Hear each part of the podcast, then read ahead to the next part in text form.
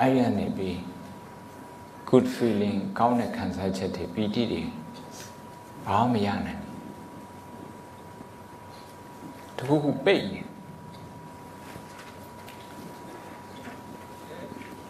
ဘုံနောက်နဲ့တွေးရင်တော့အဲ့ဒီစာရွက်လေးရဖို့အဲ့ဒီ degree လေးရဖို့အတွက်ဘယ်လောက်ကြိုးစားခဲ့ဆိုတာသိတယ်ဘယ်နှစ်နှစ်တောင်ဆို figure ကျရင်ပြောနိုင်တယ် ပတ်စံဘယ်လောက်ကုန်ဆိုပြောနိုင်တယ်ဘယ်လောက်ကြိုးစားဆိုပြောနိုင်ဒါပေမဲ့ emotional connection မရှိဘူး emotional connection မရှိဘူးဘာဖြစ်လို့တော့ဆိုတော့ဟိုကသူ့ကို ignore လုပ်တာကိုယ့်အောင်မြင်မှုကိုကိုကိုယ်တိုင်ကတူတူတန်တန်ပြန်ပြီးတော့မဆက်ဆံအဲအဲ့လိုမဆက်ဆံတဲ့ခါကျတော့အမ် ကိုကိုကိုအားမပေးတတ်ဘူးတခြားလူကကိုလာပြီးတော့ချင်းမွန်တဲ့အခါမှာ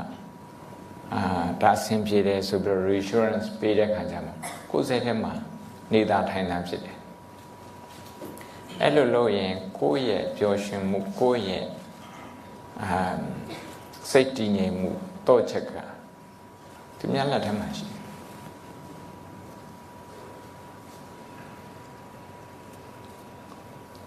So we should take charge of our own happiness. ကိုကြော်ရွှင်မှုကိုကိုကတာဝန်ယူသင့်တယ်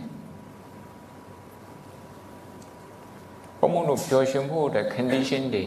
အကြောင်းအရာတွေအကုန်လုံးပြည့်စုံပြီလားမူလတန်းအကြောင်းသားလေမူလတန်းအကြောင်းသားလားအလျောက်သူ့မှာကြော်ရွှင်မှုအတွက် condition တွေအကြောင်းအရာတွေပြည့်စုံ အလယ်တန်းကျောင်းသားလည်းတည်တယ်အထက်တန်းကျောင်းသားတည်တယ်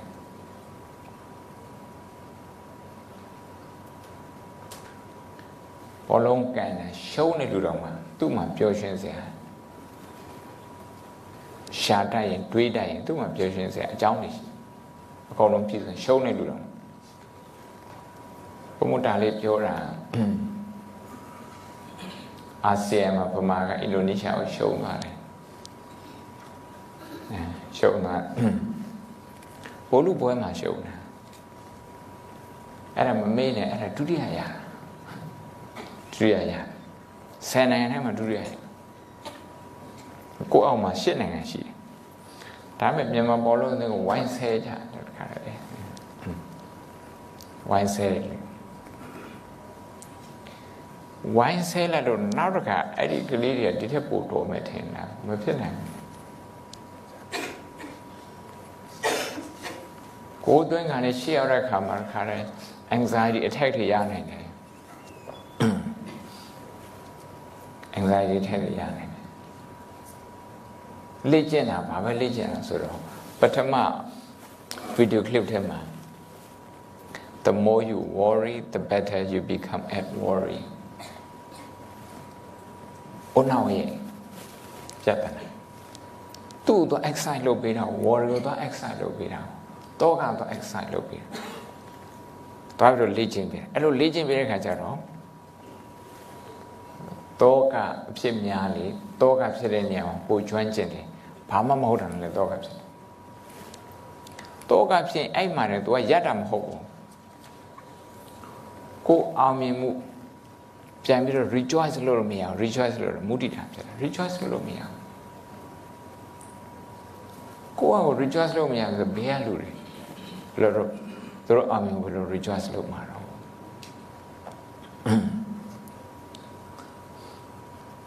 တခြားလူတွေရဲ့အခန်းကဏ္ဍသူတို့ရဲ့ contribution ဘယ်လိုလုပ်အတိမပြုနိုင်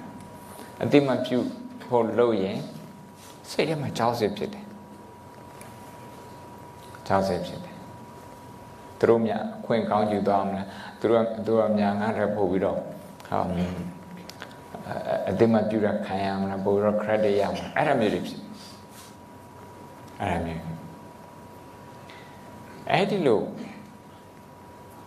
သူများရဲ့အခန်းကဏ္ဍကိုလည်းအတိမမပြုနိုင်ကိုယ်အခန်းကဏ္ဍကိုလည်းအတိမမပြုနိုင်ဘူးဆိုရင် intrapersonal relation ကခဲပါတယ်ခက်ခဲပါတယ် interpersonal relation the need to belong ဆိုတာလေ the need I mean deep seated need ဆိုတာကလူတိုင်းလူတိုင်းမှာရှိတာကအတိမပြုတ်ခံခြင်းဘုံဘုံအတိမမပြုတ်ရင်ဘုံဘုံဒီအသားမင်းထဲမှာဘုံဘုံလက်မခံဘူးလို့ပြောတာအဲဒီမှာလာပြီးတော့အာဘုံဘုံဒီလေးလာထားတာပြောပြလို့မရဘူးပြောပြလို့မရအဲ့လိုဖြစ်ရင်ဒီအတန်းဝင်းနဲ့ဝင်လာတဲ့ခါမှာ I feel left I feel rejected reject လုပ်ခံရတယ်လို့ခံစားကလေးတွေအဲ့ဒါမိဘတွေ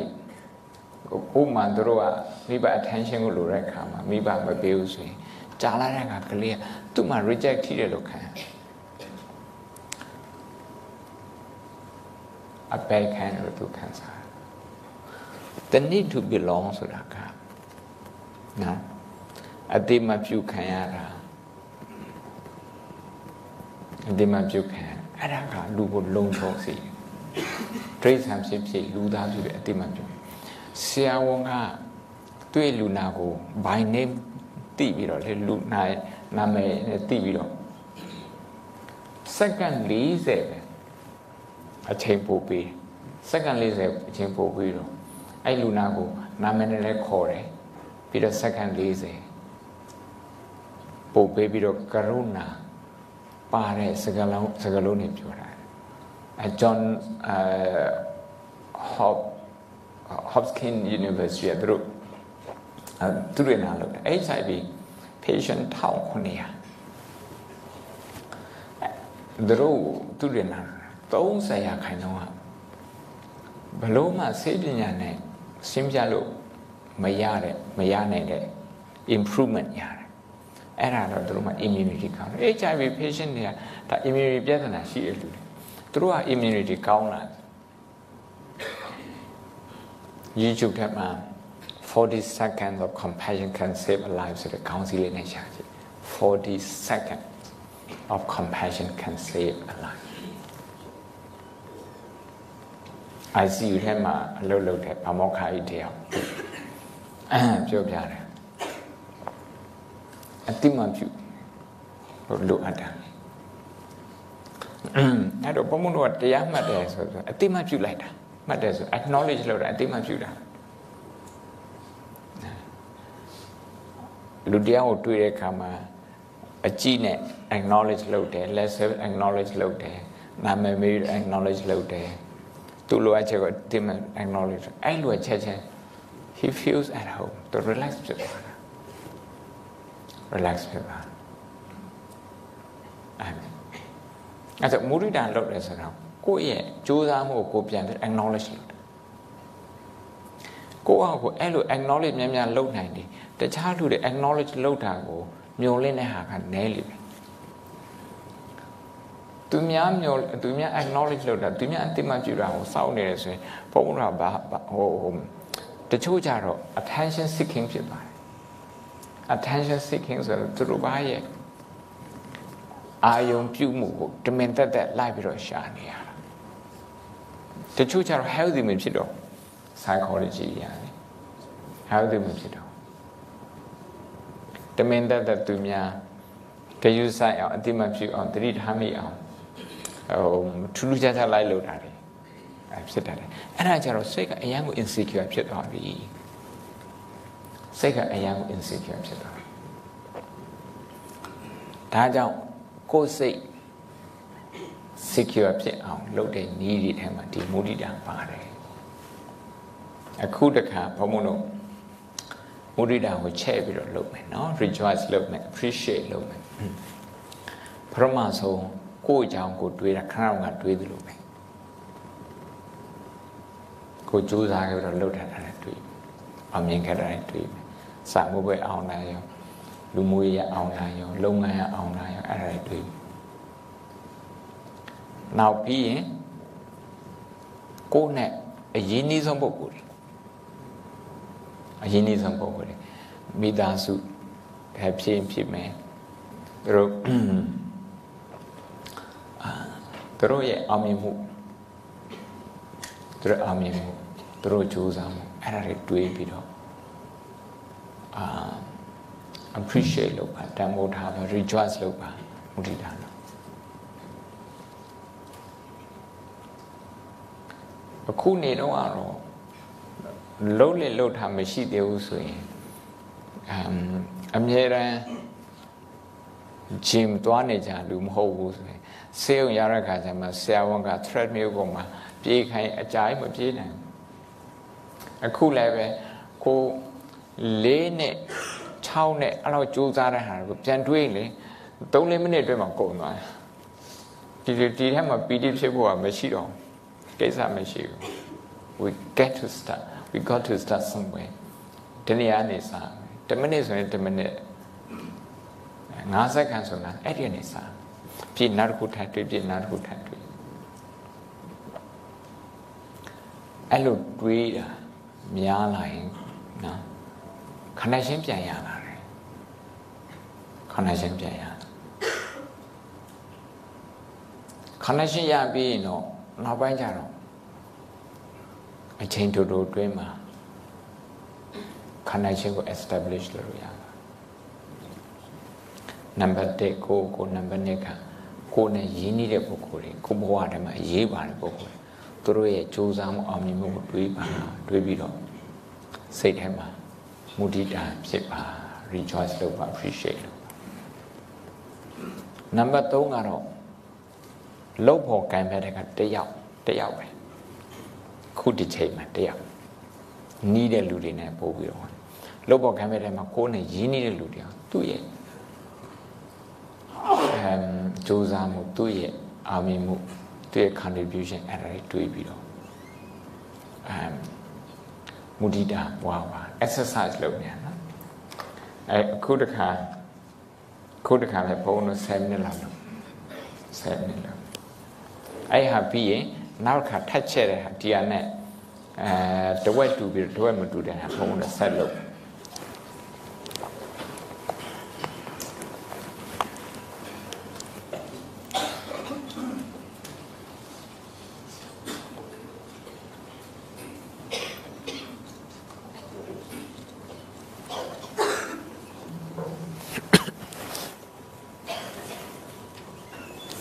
ဝင်နေထွက်လေ ချက်ချက်နဲ့နဲ့ရှူဆိုင်ပါနှစ်ချက်သုံးချက်လောက်ရှူဆိုင်ပါ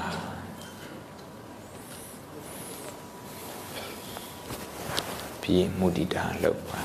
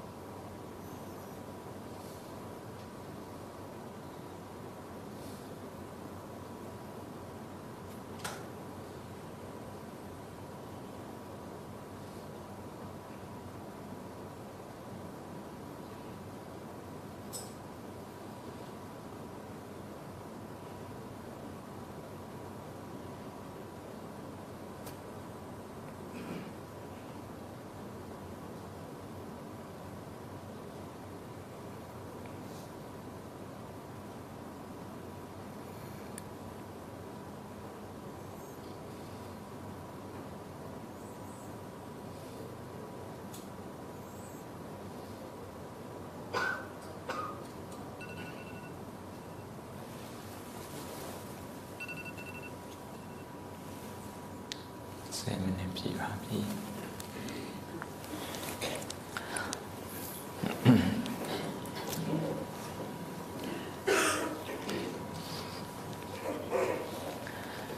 အခုတခါရှေ့ဆက်တွေးမှာကမနက်ကပြောခဲ့တဲ့ interdependent law of interdependence နဲ့ mudita ဒီနှစ်ခုတွေ့ကြည့်မယ်နော်တွေ့ကြည့်တဲ့အခါမှာ before you succeed there must be many people who must have succeeded ကိုမအောင်မြင်ခင်မှာတခြားလူတွေအများကြီးအရင်အောင်မြင်ထားကိုယ်မိဘတွေကိုယ်ဆရာသမားတွေအနည်းဆုံးအရင်အောင်မြင်ထားသူတိုင်းတာနဲ့သူအောင်မြင်ထားအဲ့လိုအောင်မြင်ထားမှာသူတော်ကိုယ့်ကိုပြိုးထောင်တယ်ဒါက directly နော်တိုက်ရိုက်အကျိုးပြုတို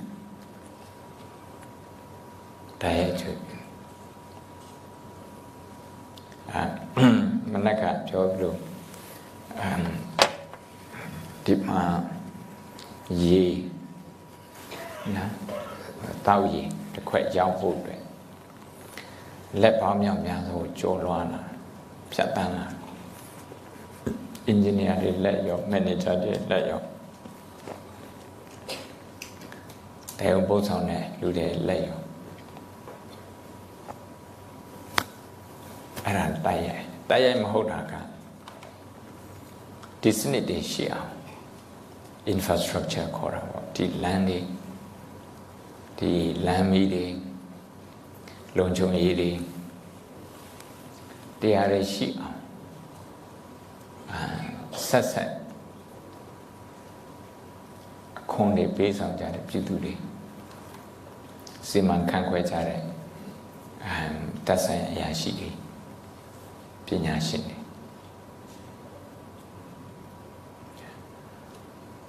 ညနေသွားရင်တခါတည်းလမ်းရှိမီးလမ်းမရှိတဲ့လမ်းနဲ့လမ်းမရှိလမ်းဆိုကွာတာပဲကွာတာပဲတချို့နိုင်ငံတွေမှာအာ express ဒီအမြန်လမ်းဟောမော်တော်ဝေးတွေမီးတွေရှိတယ်မီးတွေထွန်းထားတယ် အဲ့လိုပါမျိုးဆိုရင်သူမောင်းတာလည်းပုံမြန်တယ်ပို့ပြီးတော့လည်း safe ဖြစ်တယ်ပို့ပြီးတော့ safe ဖြစ်တယ်အဲ့အဲ့လိုနိုင်ငံမျိုးမှာအဆအဆရ establish ဖြစ်တဲ့နိုင်ငံမျိုးမှာဆိုရင်စီးပွားရေးလောက်တာလည်းသူလွယ်တာပေါ့လွယ်တာပေါ့ဘာဖြစ်လို့လဲဆိုတော့တခြားလူတွေကအရင်အောင်မြင်ထားလို့ကိုအဲ့ဒီနိုင်ငံမှာအောင်မြင်ဖို့ကလွယ်တယ် အောင်မြင်ဖို့ကလွယ်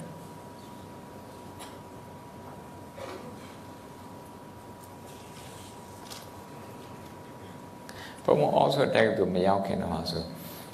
ဟိုအဲဒရီလင်ကမှာမာစတာတော့ခုရမှာဒါမဲ့ဒရီလင်ကနိုင်ငံမှာဆရာကြီးအောင်မြင်တဲ့ဟာနဲ့အောဆိုတက်သူမှာဆရာကြီးအောင်မြင် level ချင်းအောင်ခွာရကြတယ်အောဆိုရောက်တဲ့အခါမှာ ကိုအောင်မြင်မှုကပို့ပို့ပြီးတော့အလားလာကောင်းတာပေါ့အဲ့ဒါကြောင့်မလို့ကျောင်းကောင်းတွေပို့တယ်ဆိုတာကဆရာတွေအောင်မြင်ပြီးသားဆရာတွေရှိလို့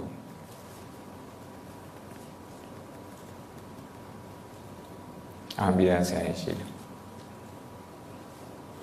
ဘယ်ဘက်ကနေပဲကြည့်ကြည့်ကျောင်းမိုင်ဘက်ကနေကြည့်မလားဥပဒေအမ်အတိုင်းဝိုင်းနေကြည့်မလားပညာရေး ဝန်ကြီးဌာနတွေကြည့်မလား engineering ဒီ engineer တွေအမ်ဦးစီးတဲ့ဝန်ကြီးဌာနတွေကြည့်မလားစီးပွားရေးလောကကိုကြည့်မလားကုမ္ပဏီတစ်ခုတည်းအောင်မြင်လို့မရဘူးမဖြစ်နိုင်အဲကုမ္ပဏီထဲမှာလည်းတယောက်တည်းပဲအောင်မြင်ပြီးတော့တခြားလူတွေမအောင်မြင်အဲ့ဒါလည်းမဖြစ်နိုင် တယောက်တည်းပျော်ရွှင်ပြီးတော့တခြားလူတွေမပျော်ရွှင်တော့ဒါလည်းမဖြစ်နိုင် interdependent ဖြစ်တယ်အကြောင်းနဲ့အကျိုး interdependent ဖြစ်တယ်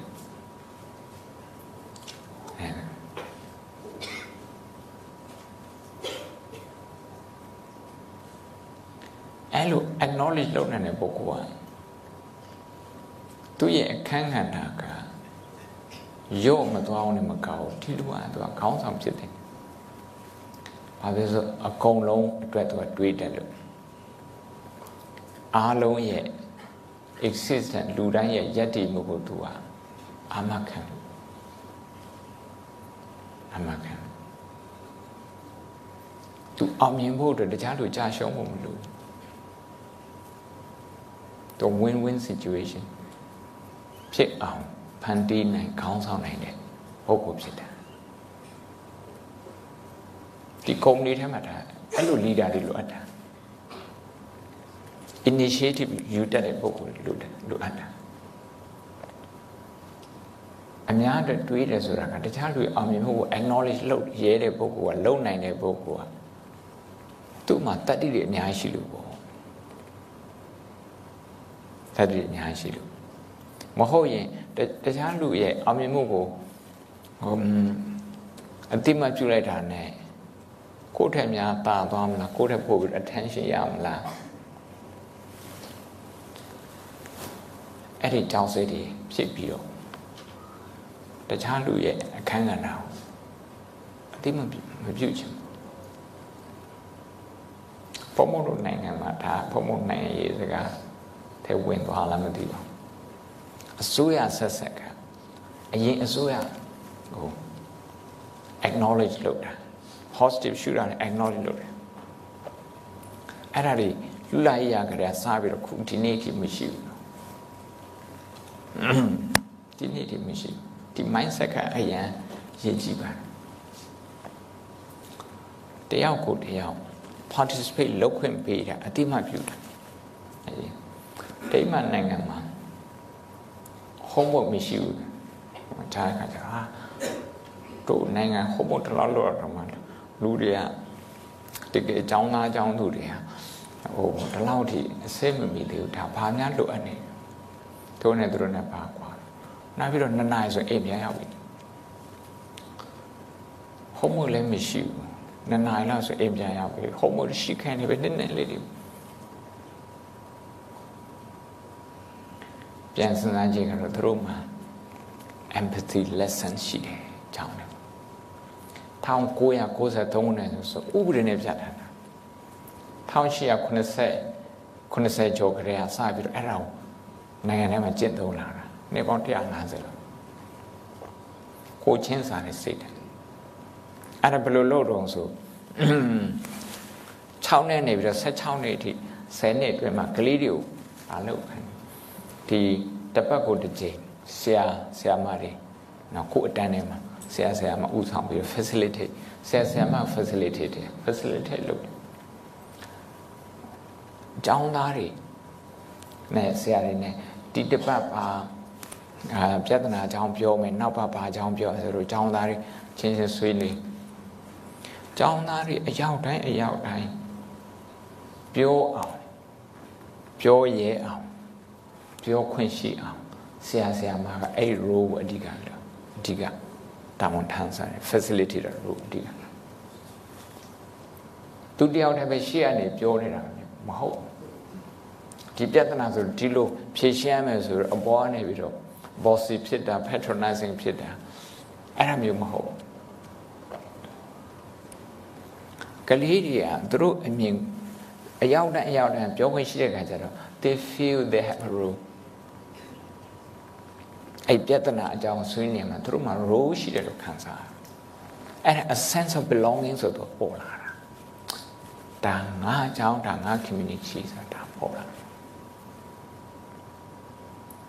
ပြဿနာကိုအခြေခံပြီးတော့ဆွေးနွေးတာနော်ဒါဘုရားတရားတော့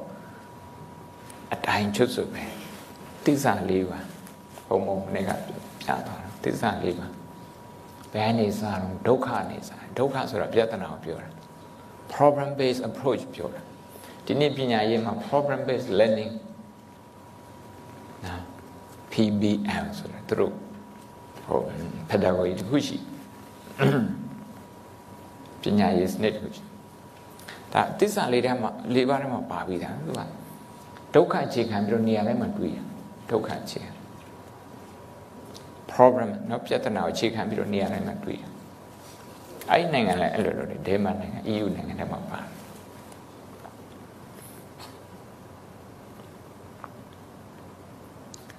လေးနိုင်လောက်ဆိုလူတွေကအလောက်ကနေအိမ်ပြန်ရောက်ပြီ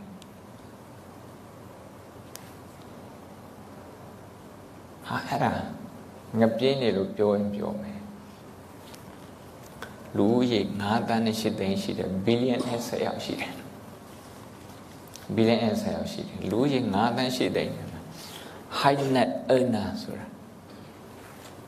ဟုတ်ဝင်ငွေအရန်များတယ်လို့2000ရှိတယ်လူ190မှာတယောက်က high net earner အခွန်တွေလည်းအများကြီးပေးတယ်ဆိုလိုတာက a sense of belonging ရှိအလူတွေက they feel secure စိတ်ထဲမှာလုံခြုံလို့ပြောချင်တယ်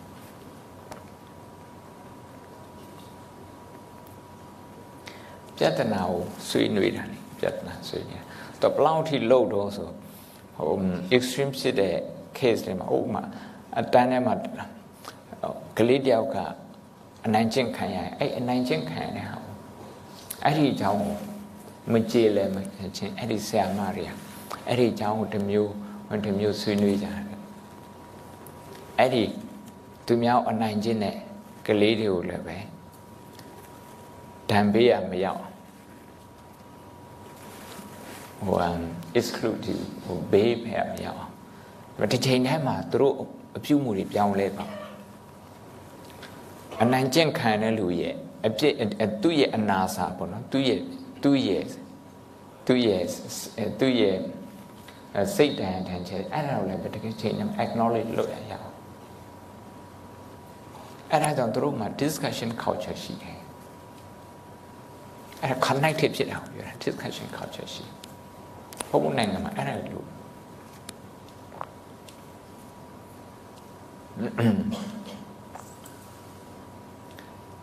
အဲ့ဒီလိုပြဿနာအကြောင်းကိုဆွေးနွေးတဲ့နေရာမှာ6နှစ်သားကလေးကစပြီးတော့ကိုယ်တိုင်ဝင်ပါတယ်ကိုပြောတဲ့ဟာကိုလည်းပဲ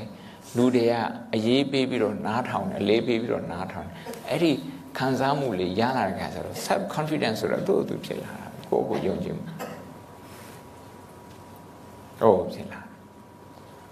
အဲ့ဒါနဲ့သူတို့ရဲ့တန်းကြောင်းတွေမှာစုပေးတာမရှိဘူးစုပေးပြီးတော့စာချက်ခိုင်းတယ်ဆိုတာမရှိဘူး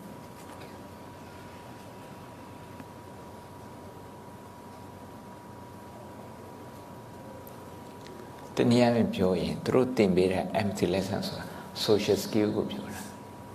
တနည်းအားဖြင့်ပြောရင် EQ quality ပဲ EQ ပြောတာ6နှစ်ကနေပြီးတော့16နှစ်ဒီ10နှစ်စာဒါ formative years အဲ့ဒါကိုသင်ပေး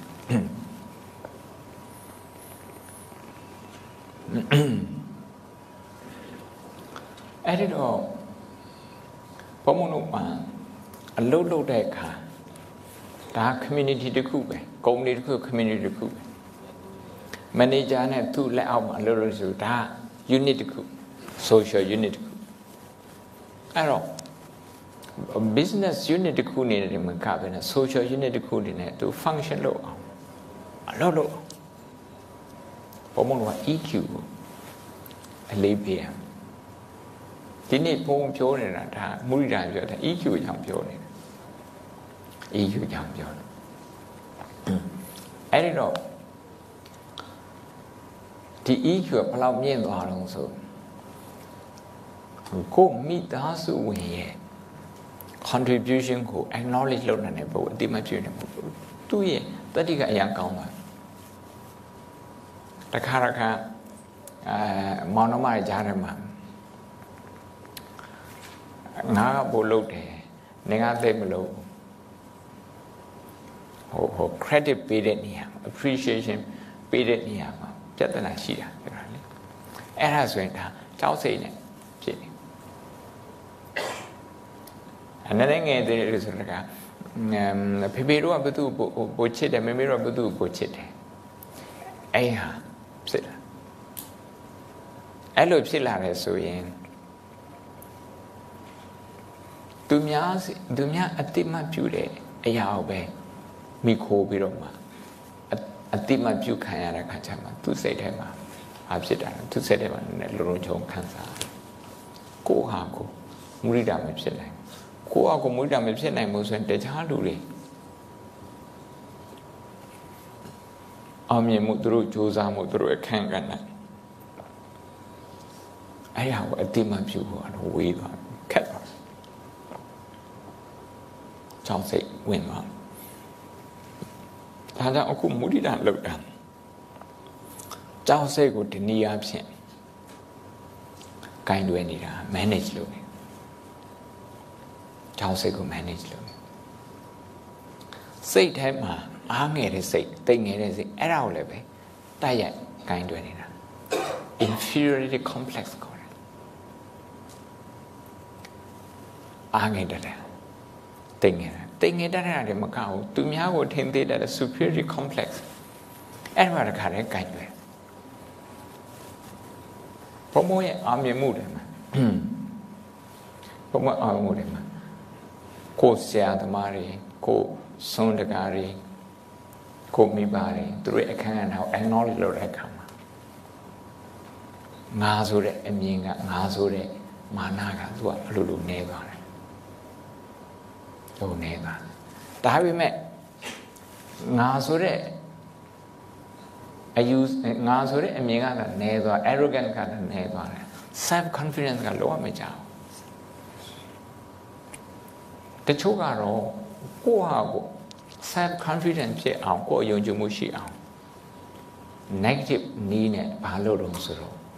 ဟိုသူများနဲ့တာတယ်ဆိုပြီးတော့ ဒီနည်းမဟုတ်ဒီနည်းပြသူများကိုသူများရဲ့ဒီဒီ negative ဖြစ်တဲ့အရာတွေတွားကြည့်ပြီးတော့တခြားလူတွေကိုထင်သေးတဲ့ဟာမျိုးအဲ့ဒါမျိုးလုံးရမှသူတို့မှနေတာထိုင်တာရှိတယ် superiority complex တကယ် superior ဖြစ်လာဆိုမဖြစ်ပါဘူးအဲဒါကြောင့်ဒိမတ်နိုင်ငံရဲ့ဟိုတဲ့ထဲမှာကလေးတွေအပြုမှုပြောပါတယ် ဘုံဒီနေ့ဗီဒီယိုခလစ်တော့မပြတော့ဗီဒီယိုဟိုတဲ့ထဲမှာလည်းပြဟိုတဲ့ um YouTube ထဲမှာလည်းရှာတွေ့နေတယ်ဒိမတ် education in Denmark တင်ချာတော်တဲ့ကလေးอ่ะအင်္ဂလိပ်စာနဲ့တော်တဲ့ကလေးအင်္ဂလိပ်စာမေးတယ်သူ့မှာတိတ်ငယ်တယ်လို့စိတ်မခံစားရဘူးမေးရ အင်္ဂလိပ်စာတော်တဲ့ကလေးကလည်းအဲ့ဒီအင်္ဂလိပ်စာညံ့နေတဲ့ညံ့ပြီးတော့ math တော်တဲ့ကလေးကိုအင်္ဂလိပ်စာသင်ပေးတယ်ပြီးတော့ဒီကလေးကိုသင်ချပြမေးတယ်ဟို interdependent ဖြစ်ဖို့ပြောပါတယ်အဲ့ဒါရှုရတစ်ခုနဲ့ကြည့်ရင်တော့နှစ်ယောက်စလုံးဟာသူ့ limit ကိုသူလက်ခံတယ်တစ်ဖက်ကဒါ humility ပဲဒါဒါ humble ဖြစ်တာဒါပေမဲ့တစ်ဖက်က သူတော်တဲ့ဟာကိုသူကတည် confidence ရှိတယ် confidence ရှိတယ်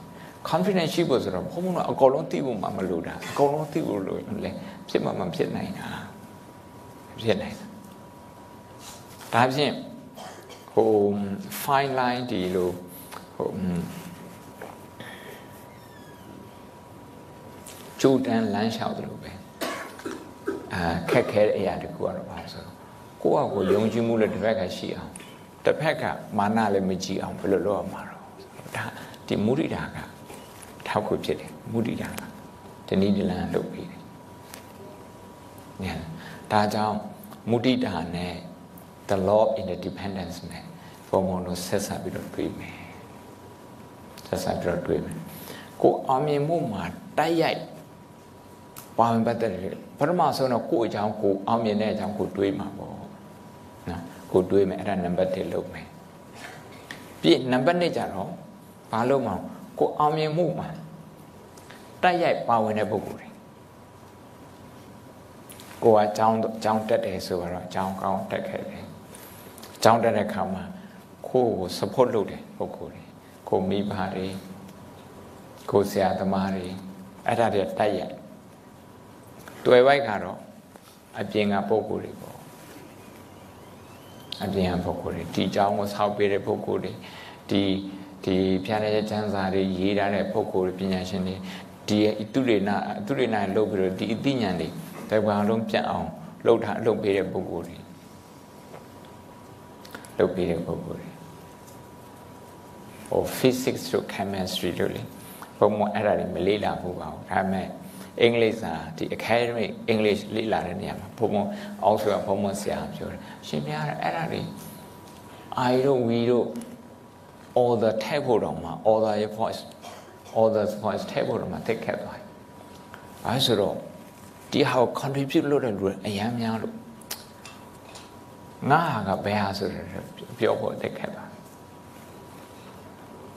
အဲ passive voice နဲ့ရေးတာတော့များတယ် ဒါ PhD level academic writing ကို special specialize လုပ်တယ်ခတိကတရားကပုံမှန်တင်ပြီး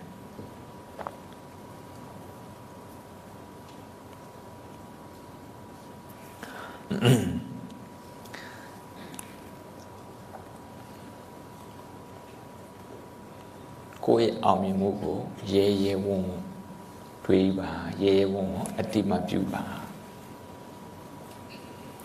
you should not apologize to anyone ဘယ်သူမှတောင်းပန်စရာ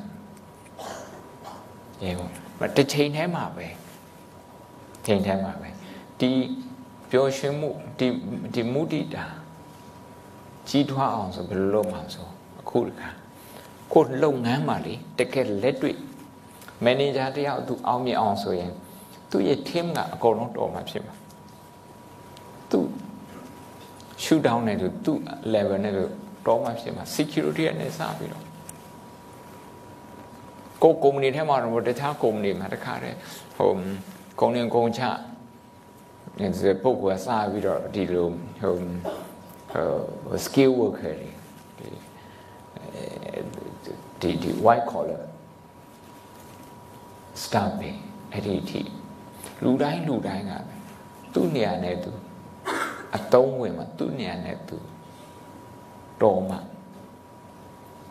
ဒီ manager လည်းပဲသူ့လို့သူလုပ်တယ်သူက manage လုပ်တာလေ skill တွေကို manage လုပ်တာလူတွေကို manage လုပ်တာမ skill တွေကိုလည်း manage လုပ်တာဟုတ်တယ်အခုဒီ Harvard Business Review ကိုဖတ်တဲ့လူတွေကတော့သတိထားမိတယ်သူတို့က skill ကိုတင် skill လောက်တင်ဟို manage လုပ်တာမဟုတ်တော့ဘူး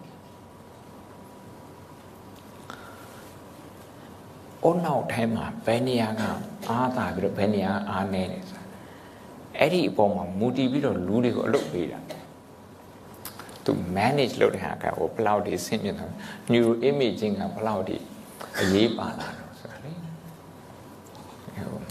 ဒါဟို လာအနေငယ်ပဲရှိသေးတယ်ဆို Harvard Business Review ထဲမှာပါလာတယ်ဒါကနောက်အနာဂတ်မှာ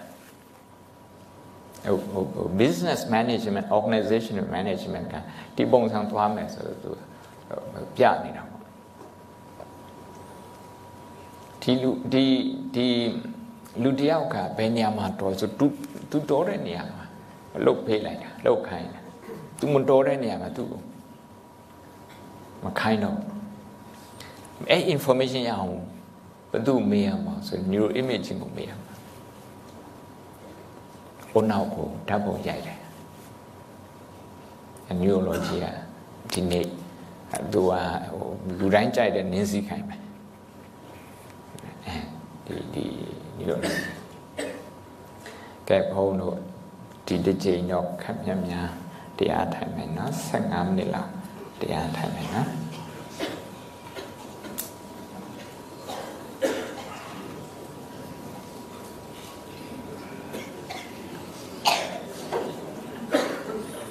ကိုအောင်မြင်မှုတစ်ခုတွေးပြီးရင်တိုက်ရိုက်ဘာဝင်ပတ်သက်တဲ့လူတွေတွေးပါပြီးတော့တိုက်ရိုက်ဒီမဟုတ်ပေမဲ့ဒီနေ့နေ့ပါဝင်ပတ်သက်တဲ့လူတွေ သူရဲ့ခံကဏ္ဍကို acknowledge လုပ်ပါပြီးရင်ကိုအောင်မြင်မှုနောက်တစ်ခုထပ်တွေးပါအဲ့ဒီအောင်မြင်မှုထဲမှာတိုက်ရိုက်ပါဝင်တဲ့လူတိုက်ရိုက်မဟုတ်ဖြစ်မဲ့တနည်းနည်းနဲ့ပါတဲ့ပုဂ္ဂိုလ်တို့ထပ်တွေ့အဲ့လိုအမြင်မှုအကြကိုအမြင်မှုမြတ်မြတ်တွေ့မြတ်မြတ်တွေ့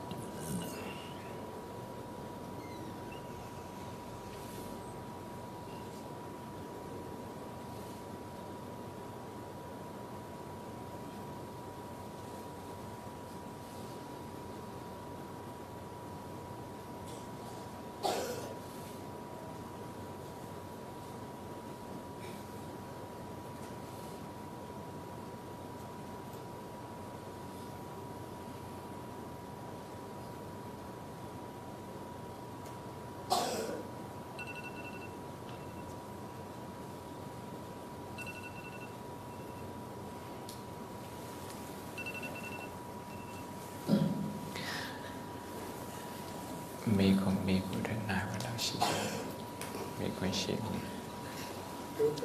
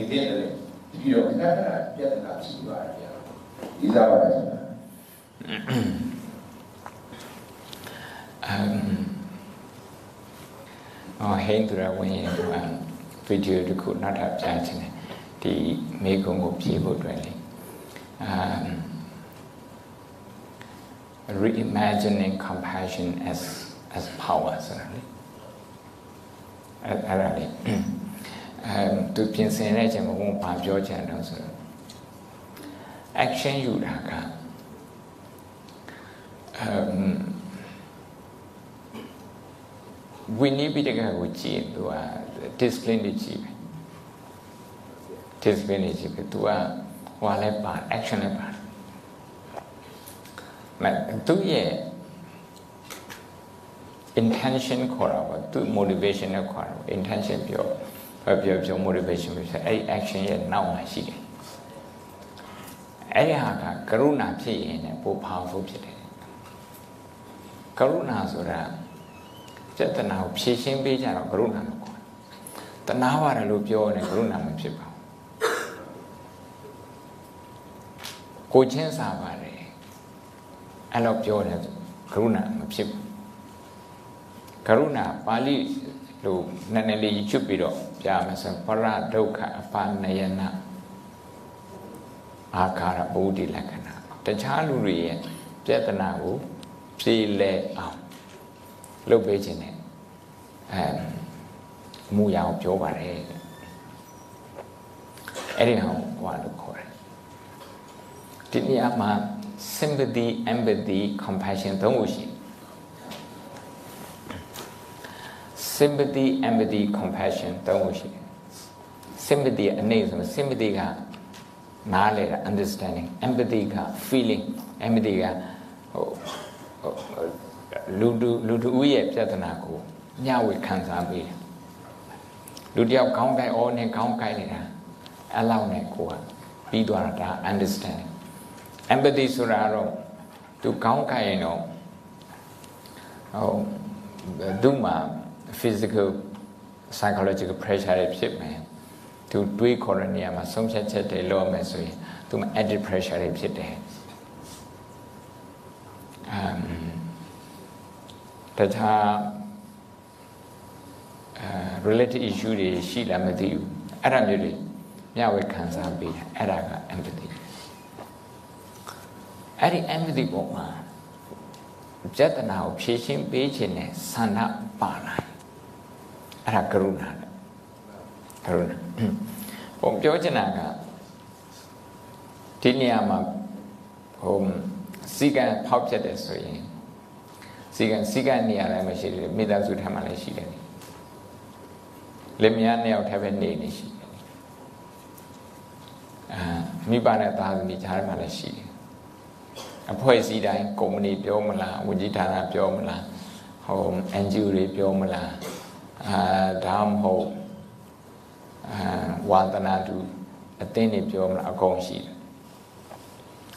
ဒါပေမဲ့အဲ့ဒီလိုအသင်းတွေဟိုဖြစ်လာတဲ့အခါမှာမဟုတ်အဲ့အသင်းတွေထဲမှာလူအတိုင်းဝိုင်းတဲ့ထဲမှာအာစီကံဖောက်ပြတာဖြစ်လာရင်ကရုဏာဆိုတာကအဖက်ဖက်ကိုအဲထက်တွက်တယ်ထက်တွက်တယ်ဆိုတော့လူလူပြောပါတော့ ပထမဆုံးကုမ္ပဏီအတွက်ပြီးရင်ဝန်ထမ်းအတွက်အဲ့လိုပေါ့နော်အဖက်ဖက်ကထက်တွက်အဲ့လိုထက်တွက်ပြီးတော့အမ်အဲ့ဒီလိုထက်တွက်ပြီးတော့ပြဿနာပြည်လဲခြင်းနဲ့စိတ် to suffer less ဆိုတာခရကပြောတယ် suffering မရှိတာတော့မဖြစ်နဲ့ to suffer less ဆိုတာဒုက္ခ နည်းအောင်ဒုက္ခမရှိအောင်မဟုတ်ဘူးဒုက္ခနည်းအောင်အဲ့ဒီစိတ်နဲ့အဲ့ဒီစိတ်နဲ့ဟောလို့ဆုံးဖြတ်တယ်တကယ်လို့ဘုံဘုံကဟွန်း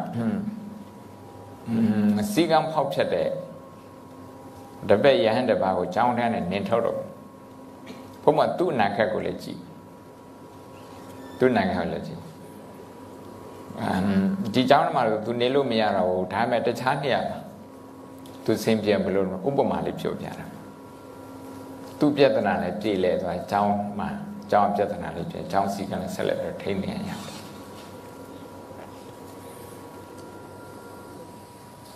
အဲ့ဒီလိုလုတ်ဖို့လုတ်တဲ့နေရာမှာဘုံကသူ့စီကနေဘာလို့ဘာလို့ခြင်းတော့သူ့စီကနေဘာ guarantee လို့လို့ ဒါဒါမျိုးတွေကသူကဟို win win situation ဖြစ်အောင်လုပ်ရတဲ့ဟာမျိုးတွေပေါ့ win win situation အာဖြစ်အောင်လုပ်ရတဲ့ဟာမျိုးတွေဒီအရေးယူတဲ့ဟာကတော့သူ့စီးနဲ့သူ့ကန်းနဲ့အဲ့လိုထားရဲဆိုရင်အဲ့ထားတာနဲ့တန်အောင်သူကတော့ implement လုပ်ရတာပေါ့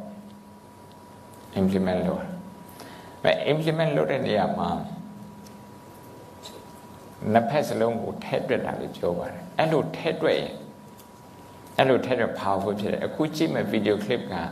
သူကနှစ်ခုပြောပြတယ်တစ်ခုကတော့ behavior behavior သူ action လို့ခေါ်တယ် action နောက်မှာရှိတဲ့ deep seated needs အဲ့ဟာကိုသူကဥပမာ၃ခုနဲ့သူပြလိုက်မယ်တစ်ခုကတော့ restaurant တစ်ခုမှာဓမြထိုက်တယ်ဟာနောက်တစ်ခုကတော့ day care center မှာ day care center မှာဟိုအမေတယောက်ကသူ့ကလေးခေါ်လာပြီးတော့သူ့ကလေးကိုလည်းပဲစူးအဲ့မှာရှိတဲ့ဆရာဝန်ကိုလည်းပဲအဲချက်ချင်းတွေ့ပေးဖို့ပြောဟို reception ကိုလည်းစူး psychologist ထွက်လာတော့သူတို့လည်းစူး security လည်းစူးအဲ့ဥပမာတစ်ခုနောက်ဆုံးတစ်ခုကတော့ system နဲ့ပတ်သက်တယ်လူမဲတဲ့နဲ့ Los Angeles က plate တွေနှစ်ပေါင်းရာစုဒီဒီ10နှစ် ဆယ်စုနှစ်ချီပြီးတော့ရန်ဖြစ်တယ် zero tolerance ဆိုပြီးတော့အဲ့ဒီ policy ပြဿနာဖြေရှင်းတယ်မပြေလဲဘူးအချင်းတရားဆွဲကြတာဘီလီယံပေါင်း20ကျော်တယ်တဲ့ရောကြတာအဲ့ဒါလည်းမပြေလဲလူတွေလည်းအများကြီးဆုံးရှုံးတယ်နောက်ဆုံးတော့ဘာနဲ့ပြေလဲဆိုကရုဏာနဲ့ပြေတယ်အဲ့အဲ့ဟာလေးခဏလေးကြည့်လိုက်ပါနော်အဲ့ဟာကြည့်လိုက်လို့တခါကြီးအတွေးပေါ်ပေါ်ဟိုက အဖြေမှအတိအကျဘောမပေးနိုင်ပါဘူးတခါကြီးမေးတယ်ဒါပေမဲ့ imagination ဖြစ်အောင် creative thinking နဲ့ကိုယ့်အဖို့တွေးကြည့်ပါနော်ဒီဗီဒီယိုလေးကြည့်ပါ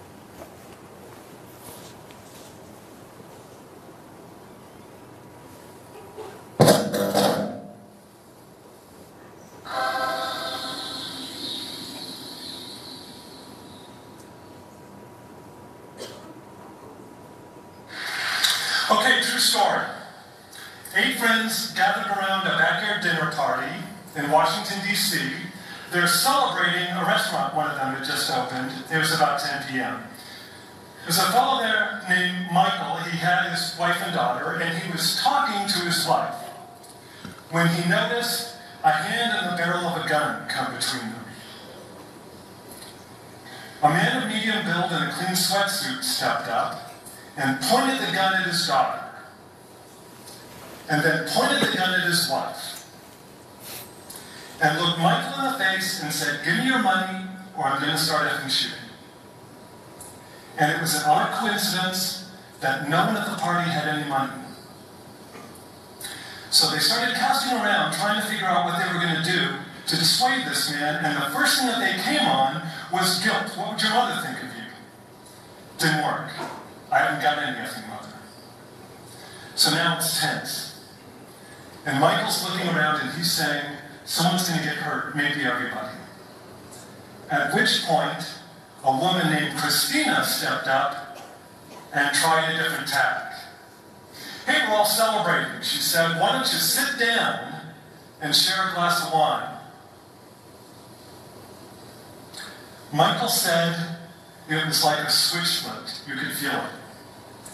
The man took the glass of wine. Damn, that's a good glass of wine. Michael offered him the bottle. He put his gun in his pocket, reached for some cheese. He said, Hey, could I have a hug? Christina hugged him. Mike's wife hugged him. How about a group hug? They all huddled around him, gave him a hug, and when they let him go, he said, I'm sorry, and walked out with his glass of wine. Hmm. So what happened there? Michael says he knows what happens. It was a miracle, and you can see why he would think that, but I want to propose something different happened. I want to propose that was compassion done powerfully. And by compassion, I don't mean the casual phrases that we throw off. I don't mean I feel terrible for you, I can't imagine how you feel, or I know just how you feel. I don't mean that. I mean finding and meeting fundamental needs. And by fundamental human needs, I don't mean a glass of wine, a chunk of cheese, and a stack of cash. I mean those universal things that we feel we've got to have to survive as tribal animals. So I mean, sure, safety and security, but also affection, connection, being seen and heard, belonging. So we don't know what the they needed that night. We may never know. Whatever it was, Christina may have stumbled on it by accident or by instinct, but he wanted it more than money. And it was strong enough to deflect a bullet and maybe save a life and maybe more. So the question to us becomes, wouldn't it be great if we could marshal that and create those results in critical situations and it wasn't a miracle? Wouldn't it be great if we were adept at handling human interactions so that we could keep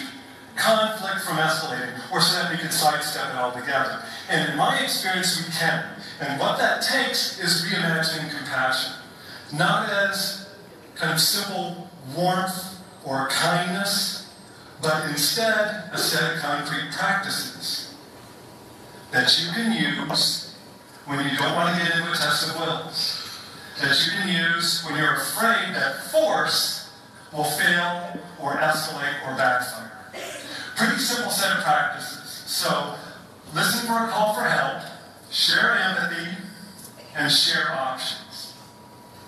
How would that look? Well, here's an example that comes from work that I've done in healthcare. Comes up pretty often. How do you cope with a patient or a family member who's really upset? This comes from work that I did in a youth mental health clinic in a really, really difficult part of town. So there's a woman in the lobby, and she's a patient's mother, and she's screaming and yelling and stomping. She's yelling at her kids. You better get the hell over here. You better sit your butt down. You better listen to your mother. And she's yelling at the receptionist. You better get me in to see my damn doctor. They send out a security guard. He says, ma'am, you can't talk that way. She ignores him. The lobby's electric. So put yourself in that situation. What are you going to do? If you're like most people, you're going to try to get her to calm down. And that's what David tried. He was the therapist who had to go out and deal with her. He said, Ma'am, I need you to calm down. You're right. You're right. Didn't work. Failed utterly. So, what we want to get clear on is why it failed. And the reason that it failed is that he was dealing at the level of actions, not at the level of deep-seated needs that we've been talking about. So imagine a bullseye that has needs at its center and actions at the periphery. Here's the problem. This woman comes in, and you can tell she's got some really deep-seated needs, yes? So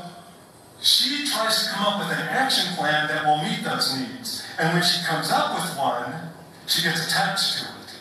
Becomes if only. If only I can carry out these actions, I'll get these needs met. And so those actions stand in place of those needs. So when David walks up and says, You can't do those actions, he becomes an enemy that's coming between her and what she needs. And two things happen.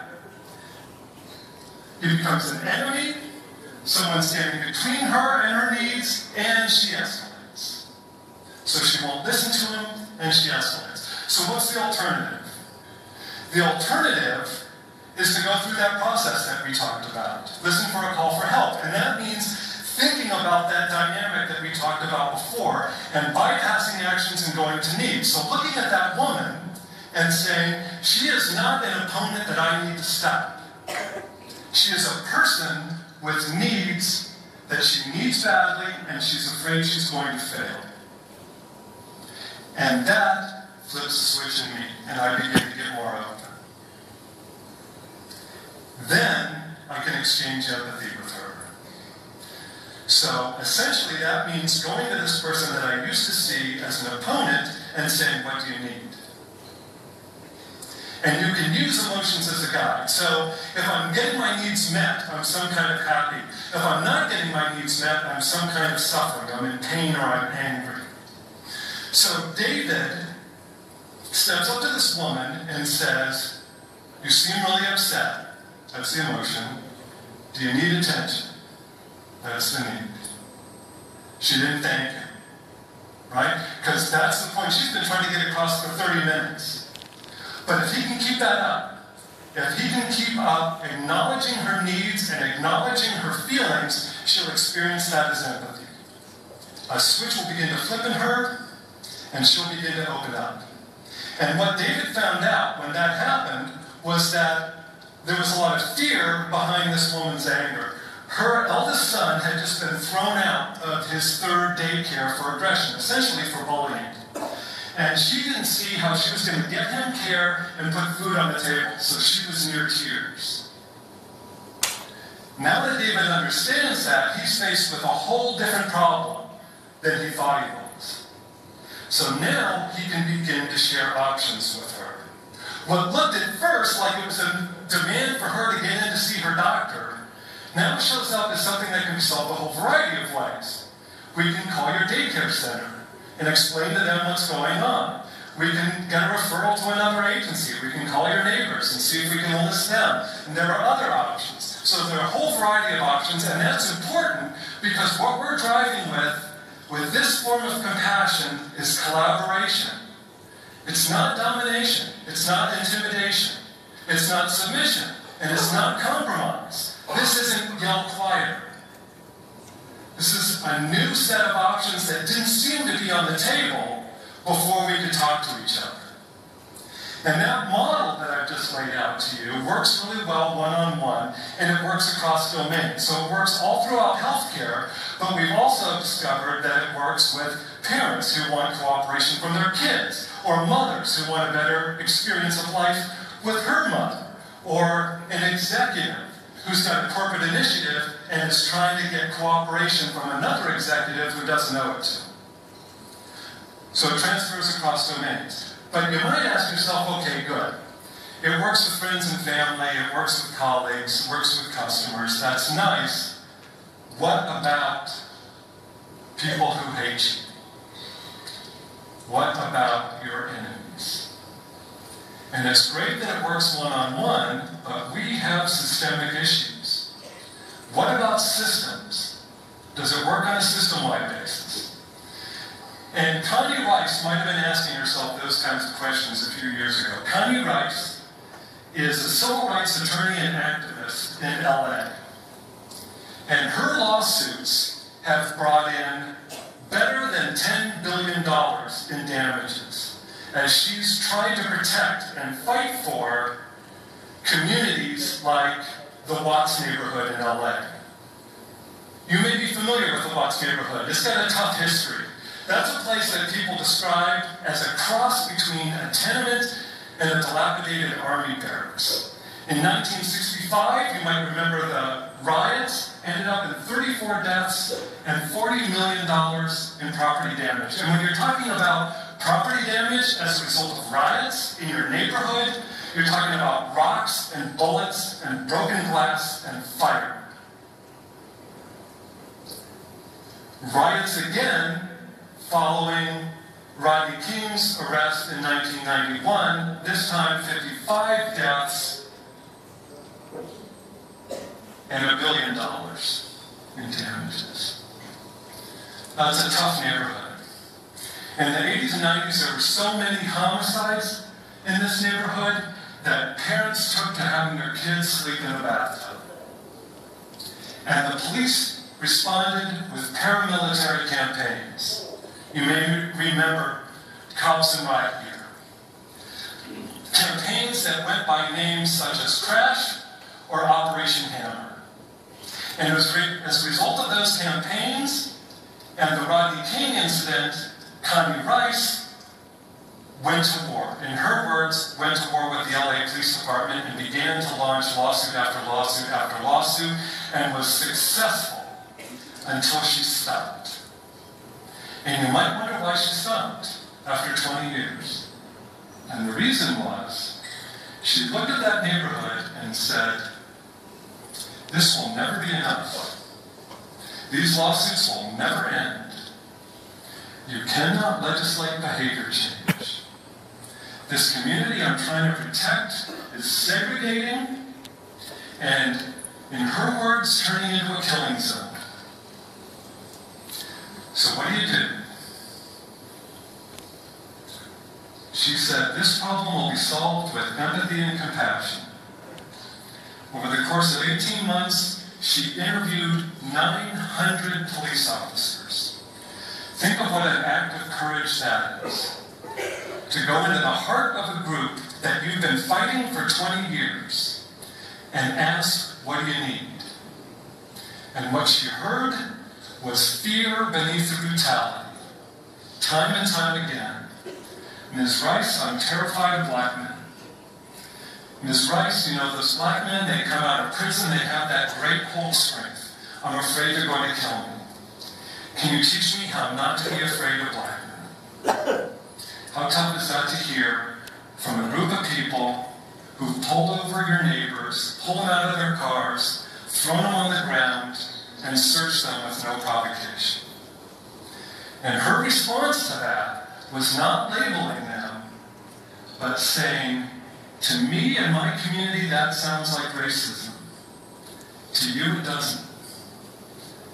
It's a true expression of fear. And any solution that, we've been, that we're going to come up with that's going to work has got to work for my community and it's got to work for you as well. So we need to work together. There's a model of courage. So they came up with a new model of policing. They brought together the community, civil rights advocates, the police force, and they came up with a four-pronged model of policing. Police hanging out in the neighborhoods, tutoring kids, setting up sports teams, and even setting up health screenings. And you gotta ask yourself, come on. This is a this is a gang-torn neighborhood. This is a, a neighborhood with a paramilitary presence in it. And you're gonna form study groups and health screenings. How did that work? In Nickerson Gardens, where it was piloted, 66% drop in property crime, 90% drop in physical crime. That means people getting hurt. The Watts neighborhood is still torn by struggle between police and the residents, but overall, 70% drop in homicides. Been very effective. It's held up as a model around the country. And that model that we talked about, that model of interacting, of showing compassion and empathy, works system-wide in other areas as well. It works when, for example, you're trying to reduce recidivism among prison inmates, and it's been shown to be effective at fighting bullying in school districts where zero tolerance policies fail. So it generalizes. What's the takeaway? Compassion's power. Compassion is not what you fall back on when force fails. Compassion, if done deliberately, can turn enemies into allies. And when that happens, you're solving different problems that you started with. And you're facing solutions that weren't on the table and weren't in your imagination when you started. Compassion's power. So, what does that mean to you? I don't know what part of the world you're trying to change, or what change you may feel being thrust upon you right now. But wouldn't it be great to be powerful? Wouldn't it be great if you could create results like that at critical times and it wasn't a miracle? And you can. You can win and other people don't have to lose. You can create change and you don't have to force people. And the process can be healing. So how do you start? Next time you're toe to toe with somebody, whether that's face to face or whether that's over Twitter or over Facebook or whatever social media you have, next time you're face to face with someone who opposes you, who threatens you, who annoys you, who angers you, who you see as an enemy, consider that the four most powerful words that you can use may not be this will not stand. It might be what do you need? Thank you.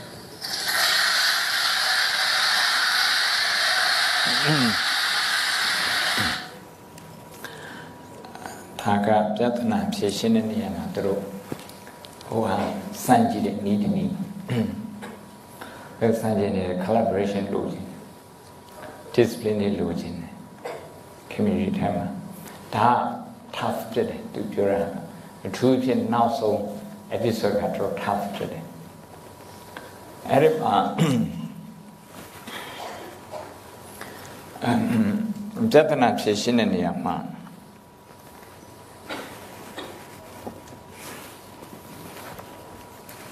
ပြဿနာဖြေရှင်းတဲ့နေရာမှာ organization ထဲမှာရောဒီလို company ဆိုတဲ့ organization ထဲမှာရောဟောတိုင်းပြည်ထဲမှာရောနောက် one to one နေနေသူတို့လုပ်တဲ့ model တွေရှိတယ် compassion science တဲ့ Oxford ရဲ့ handbook ဟုတ်ဒီဟာကိုအရှိကြီးဖြေပြီးတော့ဒီဒီဟိုင်းကိုပြတာတော့ problem solution fix မရှိဘူးလို့ပြောချင်တယ် fix မရှိဘူးအခြေအနေကိုသုံးသပ်ပြီးတော့အမ်ဖြေရှင်းကြတယ်အဲ့လိုဖြေရှင်းတဲ့နေရာမှာတစ်ဖက်ကလည်းပဲဒီ discipline တွေလည်းပဲသူကလူယူသေးအောင်သူတကယ်တမ်းမဖြစ်အောင်အာလောက်ရတဲ့နေရာမှာဘုံမိုးရဲ့ဘုံမိုးကဘုံမိုး intention ကိုပြန်ပြန်ရကြည့်တခါတခါမှကိုကအမ်အာစိတ်ဆိုးပြီးတော့ ဟို punish လုပ်ဖို့အဲ့ဒီအတိတွေဝင်တယ်အဲ့ဒီဟာဝင်ပြီဆိုရင်ဘုန်းတော်ကိုကိုနဲ့ကို fight and flight mode ထဲဝင်နေတာပေါ့အဲ့ဒီထဲမဝင်ဘဲနဲ့ဒီဟိုစာရွက်ထဲမှာပါတဲ့အတိုင်းစာအုပ်ထဲမှာပါတဲ့အတိုင်းရူပုထဲမှာပါတဲ့အတိုင်းကိုလို့ရတိတိုင်းလို့ရတိတိုင်း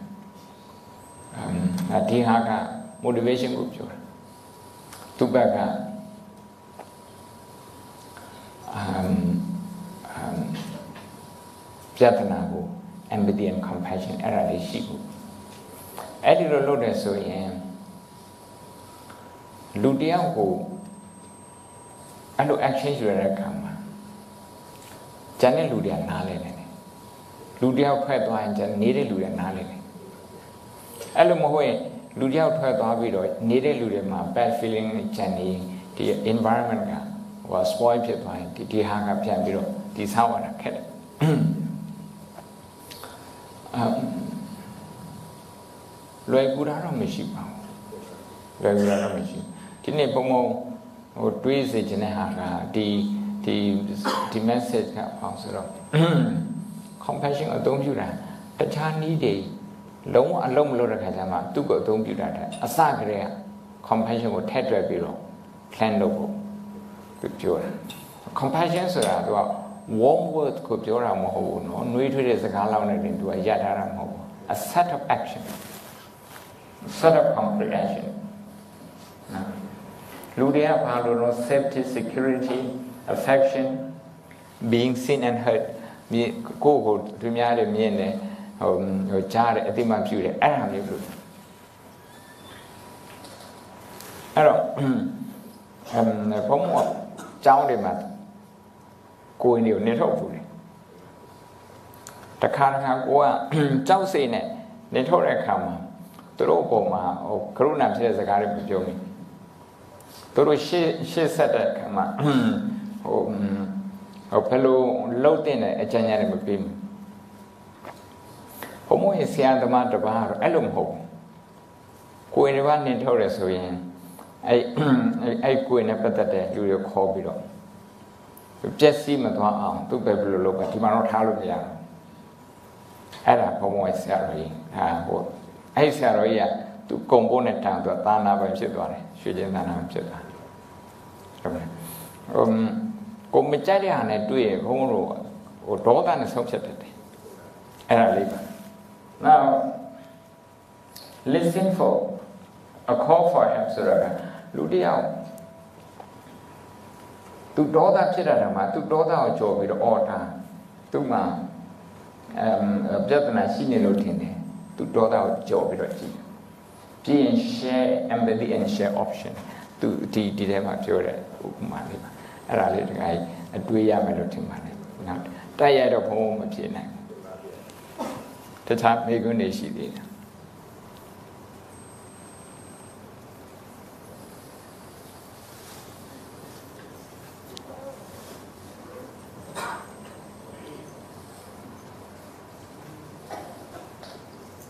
ခလုတ်နှစ်နေရာရှိတယ်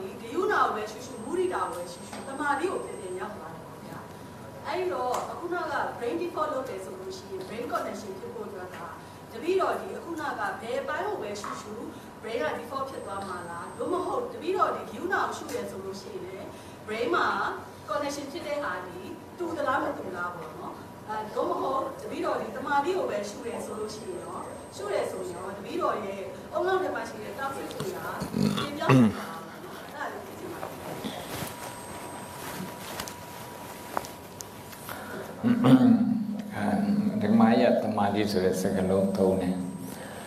technically ဆိုရင်သမာဓိဆိုတဲ့စကားလုံးကအင်္ဂလိပ်လို concentration လို့ခေါ်တယ်ဒီမှာကျတော့သူတို့ကအမ်ပထမဆုံးကြည့်တဲ့ video clip က concentration ဆိုပြီးတော့ concentration ကသူကတော့သူများ attention ဖြစ်အောင် C ကို Z နဲ့လောက်ထားတာသူအဲ့လိုပြောပေမဲ့အထဲမှာကျတော့သူ concentration အကြောင်းမပြော mindfulness ဆိုတဲ့တတိအကြောင်းပြောတယ် technique technique different ကိုပုံပြောကြတယ်ဘယ်လိုကွာတော့ဆို concentration ဆိုအာရုံတစ်ခုတည်းဟုတ်ပဲစူးစမ်းရတော့စူးဆိုင်တာစိတ်ကတခြားရောက်သွားတယ်အဲ့ဒီရောက်သွားတဲ့အာယုံတွေစီဘကူးမဆိုင်ဘူးအဲ့တော့ဒီတိုင်းပြစ်ထားပြီးတော့ ရွေးထားတဲ့အာယုံစီပြန်လာဥပမာထွက်လေဝင်နေဆိုဒီကိုအတင်းပြန်လာအဲ့ဒါက concentration based အဲ့ဒီနည်းအများရှိပါတယ်ဘုန်းတော်နေဗုဒ္ဓခေတ်ကလေးရှိတယ်ဗုဒ္ဓမပေါ်ခေတ်ကလေးရှိတယ်နောက်ဒီထဲမှာသုံးတဲ့ဟာ mindfulness ဆိုတာတရားကြတော့ဗုဒ္ဓတရားတော် ਨੇ ပို့ပြီးတော့ပတ်သက်တယ် ဟိုပြောမယ်ဆိုရင်ဗုဒ္ဓတရားတော်ထဲမှာပဲရှိရပဲဆိုတော့တတိပဋ္ဌာန်သူကြတော့ဘာတော့ဆိုဟို thought တွေ emotion တွေ worry တွေ anxiety အဲ့ဒါတွေကိုလာတဲ့အခါမှာသူ့ကို accept လုပ်တာ acceptance အဲ့ဒီ attitude ကိုရအောင် training လုပ်တာ accept လုပ်တာအဲ့ဒါမိခွန်းထဲမှာပါတဲ့ဟာ concentration ဟိုပြန်သွားတယ်ဆိုတဲ့ဟာဘုံဘ mindfulness ကိုပြန်သွားတယ်လို့ဘုံဘအဲ့ဒါလေးပြင်ချင်တယ် mindfulness ကိုပြန်သွားတယ်ဆိုရင်တော့ဟိုကစိတ်ထဲမှာပေါ်လာတဲ့အတွေးတွေစိတ်ထဲမှာပေါ်လာတဲ့တခါတော့ disturbing thought ဆိုတာကအနောက်ရှက်ဖြစ်တဲ့အတွေးတွေအဲ emotion အဲ့ဒါတွေကိုအကောင်းဆုံးမဝေဖန်ပဲ acknowledge လုပ်တာအတိမတ်ပြုတာအဲ့ဒီလိုလုပ်တယ်ဆိုရင်တော့ brain default ပုံမှာ အကျိုးတန်မှုအတူတူပဲကရုဏာမုဒိတာလုပ်တာနဲ့အတူတူပဲဘာဖြစ်လို့တုံးဆိုတော့ emotion နဲ့ဒီ auto mind တွေကိုကင်တွယ်တဲ့နေရာမှာသူက fight and flight မလုပ် fight and flight လို့ရင်ဒီနောက်ကဟိုနောက်ကလှုပ်လှုပ်နောက်ကအလုပ်အမိဂရာအလုပ်လုပ်တယ်ဆိုရင်သူ့မှာထုတ်တဲ့ဟော်မုန်းက cortisol ဟော်မုန်း ဒါ stress ဖြစ်စေတဲ့ဟော်မုန်းအဲ့လိုမလုပ်ပဲ acknowledge လုပ်တယ် acknowledge လုပ်တယ်အကောင်းဆုံးမဝေဖန်ဘူးအဲ့လိုလုပ်တယ်ဆိုရင်အဲ့အတွေးတွေကဖြစ်ပြီးတော့သူ့အတူပြန်ပျောက်သွားတယ်ဖြစ်ပြီးတော့သူ့အတူပြန်ပျောက်အတွေးတစ်တွေပေါ်လာဖြစ်ပြန်ပျောက်သွားတယ်အဲ့ဒီလိုကြည်နေတယ်ဆိုရင်ဒီအုံနောက်ပြောင်းသွားတယ် brain default ပြောင်းသွားတယ်ကရုဏာမုဒိတာလုပ်နေ brain default ပြောင်းသွားတယ်ဒါမေကုန်းကိုဖြည့်အပိုးဖြည့်ရရင်ဟိုရှင်းပြရရင်ဒီကျင့်တဲ့နေရလူအများစုကတော့